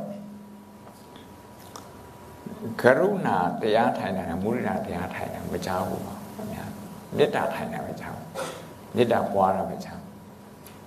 တခါတခါဘုံဘမုဒိတာတရားပွားများလို့မပြောဘဲနဲ့ပီတိ တရားထိုင်လို့ပြောသေးတယ်အဲ့ဒါဘုံဘလုတ်ခဲ့တဲ့ workshop တွေမှာရှင်ပြဒီလိုမကြောက်ပေါ့ပီတိမထမ်းထိုင်ဆိုဘယ်လိုထိုင်ဒီနေ့ထိုင်တဲ့ပုံစံမျိုးဘုံကသိပြီ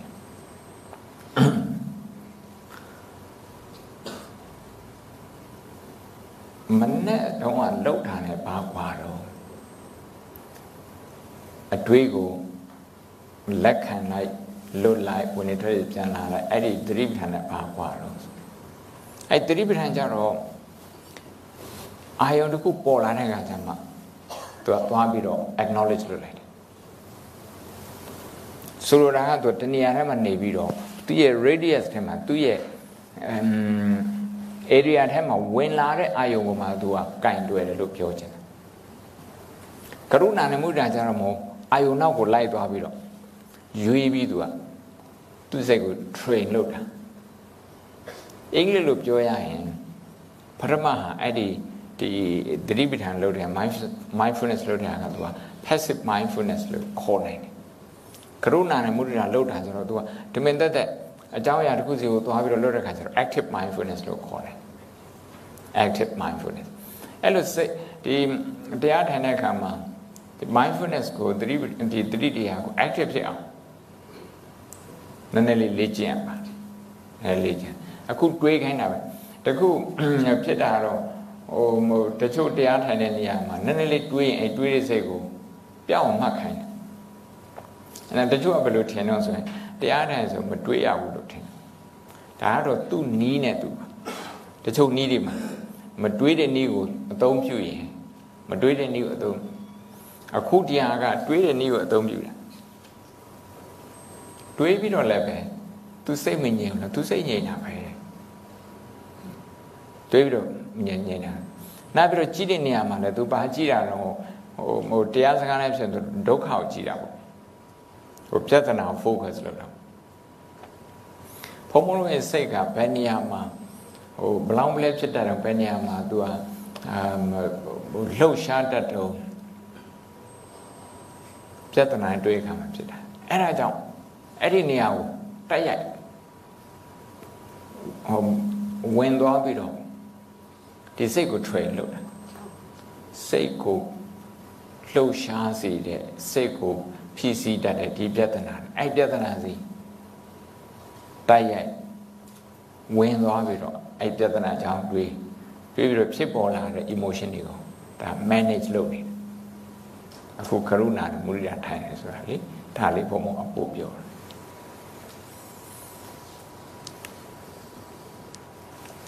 ယ်ရဒီဒီဒီဘိုင်တတိယနဲ့မိုက်ခရိုဖုန်းရတာပြီးတော့လမ်းမရှိဘူးဟိုပြီးတော့လူငယ်အနေနဲ့ကကျတော့နင်းနေခုဟိုတွေ့နေရတဲ့အကြောင်းအရာတွေပေါ့မြင်ချင်းသိချင်းကြားချင်းထိတွေ့ခြင်းကိစ္စတွေမှာပြီးတော့စာတူဒီဇိုင်းတော့ကွန်ပျူတာတော့ပြီးတော့ပဲ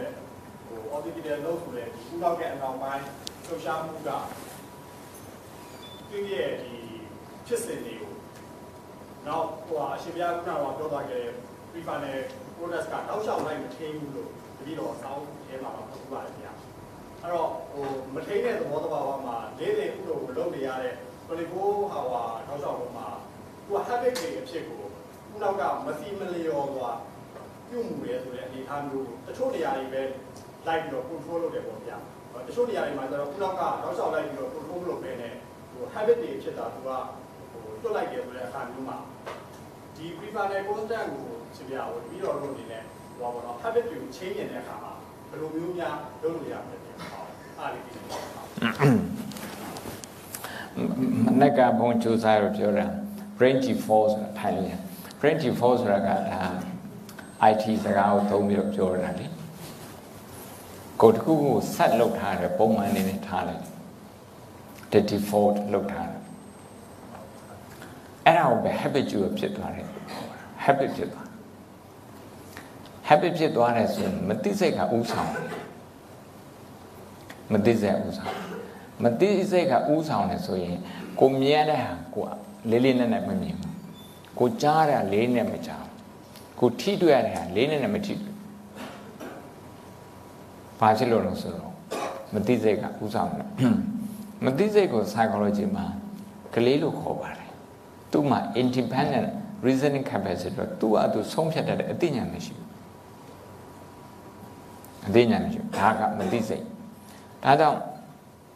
ဝင်လေထွက်လေကိုကြည့်တယ်ဒါသိစိတ်နဲ့လုပ်နေတာအဲမသိစိတ်ကိုအားနဲ့အောင်လုပ်ပြီးတော့သိတဲ့စိတ်ကိုများအောင်လုပ်တာပထမဆုံးပြတဲ့ဗီဒီယိုထဲမှာအမ် ဘာတော့ a tip of iceberg အမ်ဘာပုံစံလေးရေခဲရေခဲမပုံစံလေးနဲ့အပေါ်မှာနည်းနည်းလေးပဲ conscious mind က subconscious mind ကအများကြီးဘုံဘုံတို့ရဲ့ personality ဘုံဘုံတို့ရဲ့အတွေ့ဘုံဘုံတို့ရဲ့ဆုံးဖြတ်ချက်ဘုံဘုံတို့ခံစားမှုပဲအဲ့ဒီ subconscious habit ကကြီးစိုးနေတာလေ တနည်းအားဖြင့်ပြောမှဆိုကလေးကအုပ်ချုပ်ကိုယ်စိတ်ဖြစ်စဉ်ကိုယ်ခံစားမှုဖြစ်စဉ်ကိုယ်ဆုံးဖြတ်ချက်ဒီ decision process ဒါတွေအားလုံးကိုတော်တော်များများအချိန်မှာကလေးကဆုံးကလေးကဦးစီးနေလို့တည်းပဲရ subconscious mind နဲ့ဖြစ်နေတာဟုတ်အဲ့တော့ subconscious mind နဲ့ဖြစ်ရင် prefrontal cortex မှာအလုံးမလုံး သူ့စီမှာအလုံးဗုဒ္ဓဆိုလိုတာကဒီကလေးကိုစောင့်ရှောက်တယ်မိခင်အားကောင်းလုပ်နိုင်တယ်အလုပ်တဲ့ထဲမှာ IQ အပိုင်းလည်းရှိတယ် EQ အပိုင်းလည်းရှိတယ် IQ အပိုင်းကိုပညာလို့ခေါ်တယ် EQ အပိုင်းကိုကရုဏာလို့ခေါ်တယ် wisdom and compassion အဲ့လိုအဲ့ ဒီနှစ်ခု matching လုပ်ရတာ matching လုပ်ရတာဒီနေ့ဘုန်းဘုန်းတို့อืมကရုဏာသဘောနဲ့ပြောမယ်ဆိုရင်ဟိုကိုယ့်ရဲ့ပြဿနာတွေ့တခြားလူတွေပြဿနာတွေ့အဲ့လိုတွေ့တဲ့အခါမှာဒါ subconscious mind ကို normalization လုပ်ပေးလိုက်တယ်ဒီလိုပြဿနာရှိရာက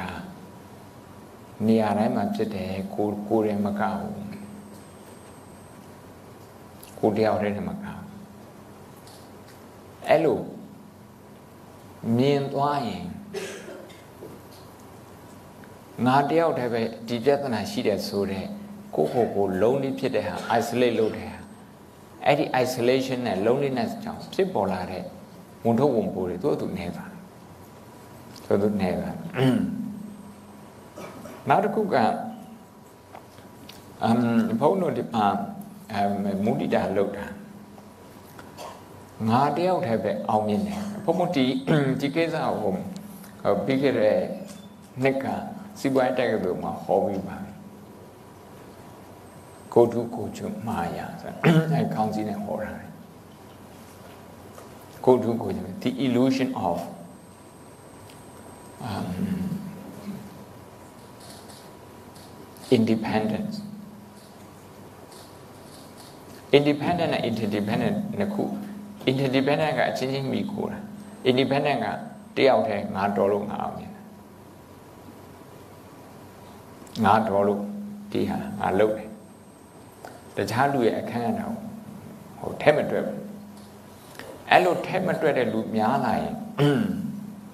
အဲ့ဒီ society သူ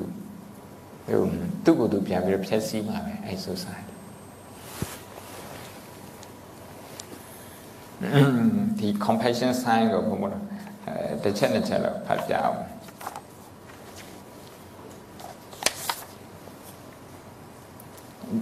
preface ရေးထားတာ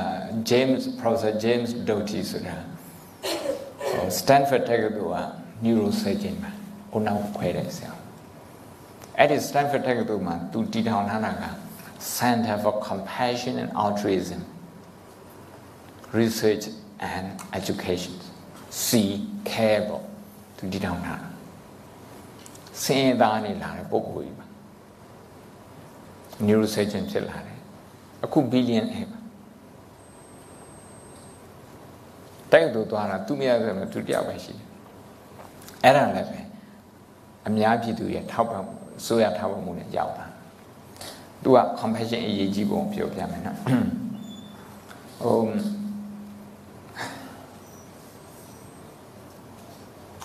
Many have misunderstood Charles Darwin's view of natural selection in on the origin of species as a justification for the necessary aggressive or ruthless behavior to survive. ကို survive ဖြစ်ဖို့အတွက်ဆိုရင်အစအစရရ justify ဖြစ်တယ်ပေါ့တချို့ကအဲ့လို Charles Darwin ကိုဟိုဟိုသဘောပေါက်မှာ တယ်အဲ also ကဘာမောခိုင်တရားဆိုရင် um, Richard Dawson သူရေးတဲ့ PhD စာတမ်း selfish gene gene တွေက selfish ဖြစ်မှအာ survive ဖြစ်တယ်သူ့အယူဆအမေဒီဆရာကြီးအခုပြောတဲ့ဆရာကြီးဒီ Stanford ဆရာပြောတာ အဲ့လိုမဟုတ်ဘူး6တာဝင်ကိုယ်တိုင်နဲ့နော်သူရေးထားတာအချင်းချင်းစောင့်ရှောက်တဲ့ community ကမှာအဲ့ community ကပိုကြည့်သွားတာလူကြီးတွေကကလေးတွေကိုစောင့်ရှောက်တယ်ဥပမာဥပမာဟို UK မှာဆိုရင်အင်္ဂလန်မှာဆိုရင်အသက်14နှစ်လား16နှစ်ထိလားမသိဘူး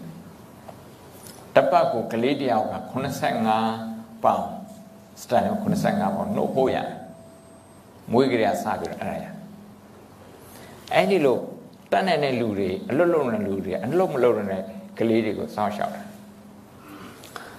အဲ့တော့ထပ်ပြီးတော့ဖတ်ရရင် in Darwin's later published Descent of Man in 1871 he wrote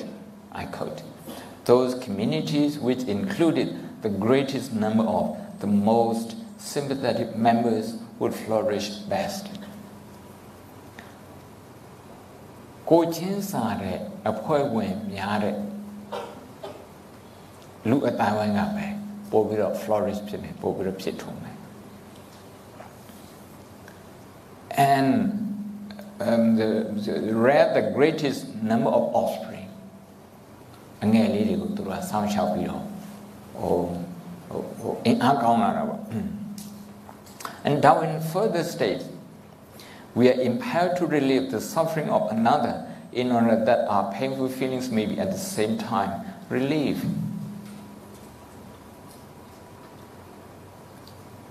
it's a duty အဲအဲ့ဒါသူပြောရဟာ now um German philosopher Immanuel Kant ကပါ it's a duty not to avoid the pain of compassion which one may not be able to resist for this feeling though painful nevertheless is one of the impulses placed in us by nature affecting what the representation of duty might not accomplish by itself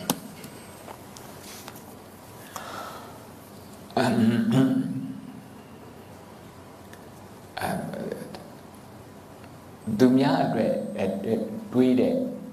သူများအတွက်ထဲ့တွေးတဲ့ compassion သူများပြဿနာကို ဝိုင်းပြီးဖြေရှင်းပေးခြင်း compassion အဲ့ဒီပုံမှာထဲ့ပြီးတော့တွေးမှာ society company ဝန်ကြီးဌာနနိုင်ငံ family တို့က flourish ဖြစ်တယ်ထုံးကားရေရှိတည်တတ်တယ်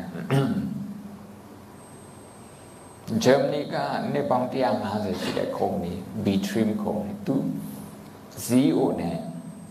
အာထိုင်းမှာရှိတဲ့ဂျူလာနမထိုက်ကသူက Sunset Business School မှာဘုံဘောတခါအတူတူ forum share လုပ်ဘူးသူကဘာပြောဆိုတော့ကရုဏာအခြေခံတယ်အစည်းပွားရေးလုပ်ငန်းလုပ်နိုင်တယ်လို့ဘုံဘုံတို့ကကရုဏာကိုအထင်လွဲတာကရုဏာဆိုရင်တောင်းတာလကားပေးစီကန်းတွေလေလျှော့ပေးဟောအဲ့ဒါမျိုးသူကထင်တာလေစီကန်းမရှိတော့ ဒီမိုကရေစီဆိုရင်သူတို့အဲ့လိုပဲသွားထင်တယ်အမှန်ဒီမိုကရေစီနိုင်ငံတွေမှာစီကန်းတွေအများများတာပဲအင်္ဂလန်နိုင်ငံ23နှစ်နေတာဘုံဘုံတို့ကဟိုကိုချောင်းအဖီလေးထွက်ဖို့ဟိုဟိုထဲ့ဖို့တခါလေရှောက်ရတယ်အမ်ရှေးကြတဲ့အဆောက်အဦတွေဗရင်မောပြင်ကျင်တာရှောက်ရတယ်ရှောက်ရတယ်ဟုတ်ဟို ဒီမိုစီနိုင်ငံကလက်လွတ်ဆိုပဲနေတာမဟုတ်ဘူးလို့ပြောချင်တယ်စီးနဲ့ကန်းတယ်လို့အဲ့တော့ဒီမိုစီတော့မှအဲ့လိုမြင်တဲ့လူတချို့ကကရုဏာကိုအဲ့လိုပဲသွားမြင်တယ်ကရုဏာဆိုရင်တော့စီးနဲ့ကန်းနဲ့မဟုတ်အကုန်လုံးတို့ပဲကလေးတွေလာတောင်းဆိုရင်အကုန်လုံး yes ပြောပဲအဲ့လိုမဟုတ်ဘူးကရုဏာဆိုတာကပြဿနာကိုကြည့်ပြီးတော့ဝမ်းဝန်းဖြည့်ရှင်းပေးခြင်း ဝမ်းဖြည့်ရှင်းပေးခြင်းဘုံဘုံတို့ဆေးကြောင်းတွေမှာဘုံဘုံကဆေးကြောင်းတွေစုံသွားပြီမြန်မာနိုင်ငံဆေးကြောင်းတွေဟိုဟိုဟုတ်တယ်မော်နော်အယက်သားဆေးကြောင်းတွေပေါ့ဒီလို workshop တွေပါလို့ရဆိုမှာအဲ့မှာသူတို့ကစကလုံးသုံးလုံးထည့်ထားတယ်ဝင်ကြီးတယ်တရားအနုကံပါဥပဋ္ဌာဆရာဝန်တွေဆိုအဲ့ဟာလေးတွေ့ဘူးလိမ့်မယ်သူတို့ရဲ့လို့ဟုတ်တယ် တရားဆိုတာကတဏှာအနုကမ္မဆိုတာဘယ်လောက်ထိတဏှာဆိုကိုယ့်ရဲ့နှလုံးသားတော့တော်လှုပ်သွားတယ်အင်္ဂလိပ်လိုပြောရင် we are moved by someone's misfortune move ဆိုတဲ့စကားလုံးအနုကမ္မအနုကမ္မဥပါဒါဆိုအဲ့ဒီစကားလုံးကြောင့်ဥပထာကဆိုတာကလက်တွေ့ပြုစုတာလက်တွေ့ကရုဏာကအများနဲ့လက်တွေ့ပါတယ် အဲဒါဘုံဘုံကကရုဏာအရင်ကြီးဟိုဒီ concept ကမြန်မာစကားထဲမှာတိတ်မရောက်သေးဘူးတနာတယ်လို့ပြောရင်ဘယ်သူမှအတနာမခံချင်ဘူးအဲဆို social status conscious ဖြစ် social status ဆိုတာကမြင့်တဲ့လူကနှိမ့်တဲ့လူကိုတနာရတယ်ညာတို့ကြီးလူကနှိမ့်တဲ့လူကိုတနာရတယ်ပတ်စံရှိတဲ့လူကမရှိလို့တနာတယ်သူအဲ့လို one way မြင်တာဟုတ် ဗုဒ္ဓမြင်တာနဲ့တခြားစီဗုဒ္ဓကလူတိုင်းလူတိုင်းမှာသူကတနာစရာတွေရှိအဖုံဖုံဒီမှာခုဟို9နိုင်ခွဲပြီဆက်ပြီးတော့ပြောရင်လူတိုင်းကပြောတဲ့ဖိုးကြီးကိုထိုင်းတဲ့လူတွေအကုန်လုံးဒီတိုင်းမှာယာထူးမရွတ်အကုန်လုံးပါဖြစ်တယ်အကုန်လုံးညောင်းတယ်အဲ့ညောင်းတဲ့ဟာကိုကြည့်ပြီးတော့ဒါအကုန်လုံးတနာစရာဖြစ်နေတာညောင်းတယ်မခောက်ပြီးတော့ပိုက်စာကြအောင်အပြင်းအိမ်ကနေပြီးတော့ ဖုန်းဆက်ကဖုန်းနဲ့ကင်ကြတော့ခါအိမ်ဟာဟိုစိုးရိမ်နေမလာသေးဘူးလားပြန်မရောက်သေးဘူးလားအဲတော့နောက်ကျနေတော့တချို့အယူစိုးရိမ်တာမဟုတ်ဘူးစူလဲစူလဲအဲ့ဒါကြည့်ပြီးတော့အကုန်လုံးတနာစရာတွေဖြစ်ပြန်တဲ့ခါဆိုတော့ကားကြက်တဲ့ချိန်ဆိုတော့ခါကားကြက်တာလို့သူကတထေးကိုစဉ်းစားအကုန်လုံးတူတူပဲအေးအေး ဒါဟိုဒီနေ့အဓိကပြောလိုတာကတော့ဘုံမလာပြောတယ်မုဒိရာအကြောင်းပါဒါမဲ့စကားဆက်လို့ကရုဏာအကြောင်းပါပြောပြောတယ်အဲဒီလောက်ဆိုရင်9နိုင်ခွဲတော့မယ်ဒီလောက်ဆိုရင်ရပြီချင်းနေနော်ခွဖြူဒီလောက်ဆိုရင်ရပြီချင်းနေကဲအားလုံးကြမ်းမှချမ်းသာချမ်းသာစေ